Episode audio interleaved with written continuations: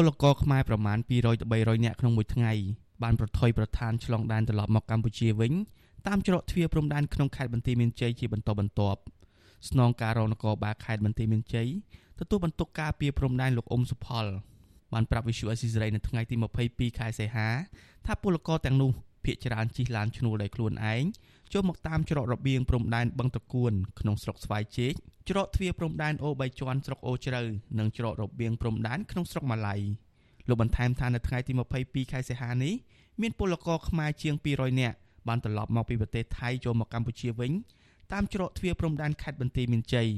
លោកបញ្ជាក់ថាភ្លាមភ្លាមក្រោយពេលដែលពលករដល់ព្រំដែនអញ្ញាធរខ្មែរបានត្រួតពិនិត្យសុខភាពរបស់ពួកគាត់ជាមុនសិនទើបបញ្ជូនទៅមណ្ឌលចតាឡៃសាក់នៅទីរួមខេត្តបន្ទាយមានជ័យនិងស្រុកជាប់ព្រំដែនថៃ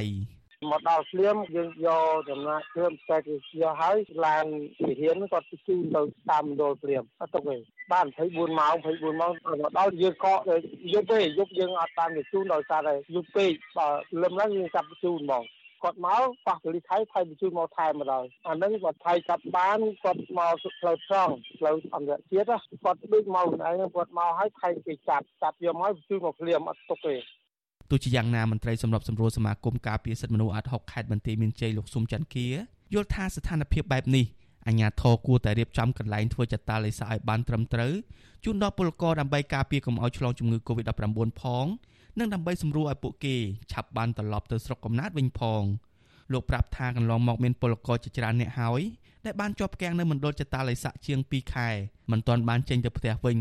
លោកបញ្ជាក់ថាការដែលអាជ្ញាធរធ្វើបែបនេះបានប៉ះពាល់ដល់ការរកប្រាក់ចំណូលរបស់ពលរដ្ឋហើយធ្វើឲ្យបាត់បង់ថវិកាជាតិដែលបានផ្ដល់ស្បៀងអាហារជូនដល់អ្នកធ្វើចតាឡេសាក់ ព្រោះដោយសារកន្លងមកយើងឃើញតែកន្លែងចាត់តាល័យស័កនឹងអាបន្ទប់ទឹកក៏រួមគ្នាអាកន្លែងបន្ទប់អនាម័យអីក៏រួមគ្នាដូច្នេះហើយมันអាចជិះផុតអំពីការឆ្លងពីកាយបានទេអញ្ចឹងអាជ្ញាធរក៏យកចិត្តទុកដាក់ទាំងអស់ហ្នឹងទី2បើសិនជាពួកគាត់ដល់ថ្ងៃដល់ពេលវេលាដល់អីហើយអញ្ចឹងអាជ្ញាធរត្រូវឲ្យពួកគាត់ចាក់ចេញដែលអាចជួយដល់ធ្វើឲ្យជីវភាពរបស់គាត់ហ្នឹងប្រសើរដែរព្រោះគាត់នៅពេលត្រឡប់ទៅផ្ទះវិញគាត់ធ្វើអ្វីបានបន្ថែមទៀតអីបានដើម្បីចិញ្ចឹមគ្រួសារបាទ ជាមួយគ្នានេះពលករខ្មែរជាច្រើនអ្នកផ្សេងទៀតកំពុងកាន់អីវ៉ាន់សំពីងសំពងនាំគ្នាអង្គុយរងចាំជិះឡានឈ្នួលនៅទីក្រុងបាងកកដើម្បីធ្វើដំណើរត្រឡប់មកកម្ពុជាវិញ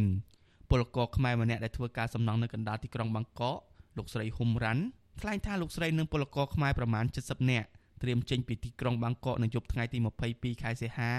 ដើម្បីទៅឲ្យដល់ព្រំដែនកម្ពុជានៅពេលព្រឹកស្ត្រីវ័យ45ឆ្នាំរូបនេះបន្តថា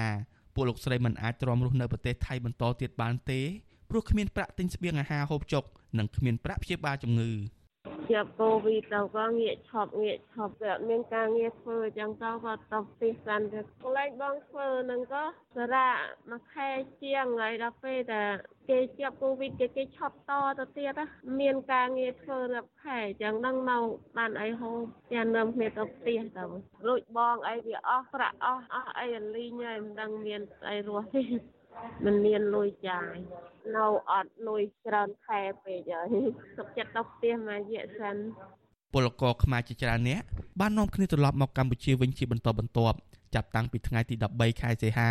ដែលអាជ្ញាធរខ្មែរបើកច្រកទ្វារព្រំដែនជាប់ជាមួយប្រទេសថៃការដែលពលករធ្វើមាតុភូមិនិវត្តន៍នេះដោយសារតែពួកគេមិនអាចទ្រាំរស់នៅបន្តទៅទៀតបានព្រោះគ្មានការងារធ្វើនិងព្រួយបារម្ភខ្លាចឆ្លងជំងឺ Covid-19 ដែលកំពុងរាតត្បាតខ្លាំងនៅប្រទេសថៃ រហូតមកដល់ពេលនេះមានពលករខ្មែររាប់ពាន់នាក់ហើយបានត្រឡប់មកប្រទេសវិញក្នុងនោះមានពលករមួយចំនួនត្រូវបានអាជ្ញាធរខ្មែរបញ្ជូនទៅធ្វើចតាលិស័ករយៈពេល21ថ្ងៃនិងពលករដែលគ្រូពេទ្យរកឃើញជំងឺ Covid-19 បានបញ្ជូនទៅមជ្ឈមណ្ឌលជំងឺ Covid នៅខេត្តជាប់ព្រំដែនថៃរហូតដល់ជាសះស្បើយទៅអាជ្ញាធរអនុញ្ញាតឲ្យពួកគេត្រឡប់ទៅស្រុកកំណើតវិញខ្ញុំបាទចិត្តចំណាន Visual Assisray ពីរដ្ឋធានី Washington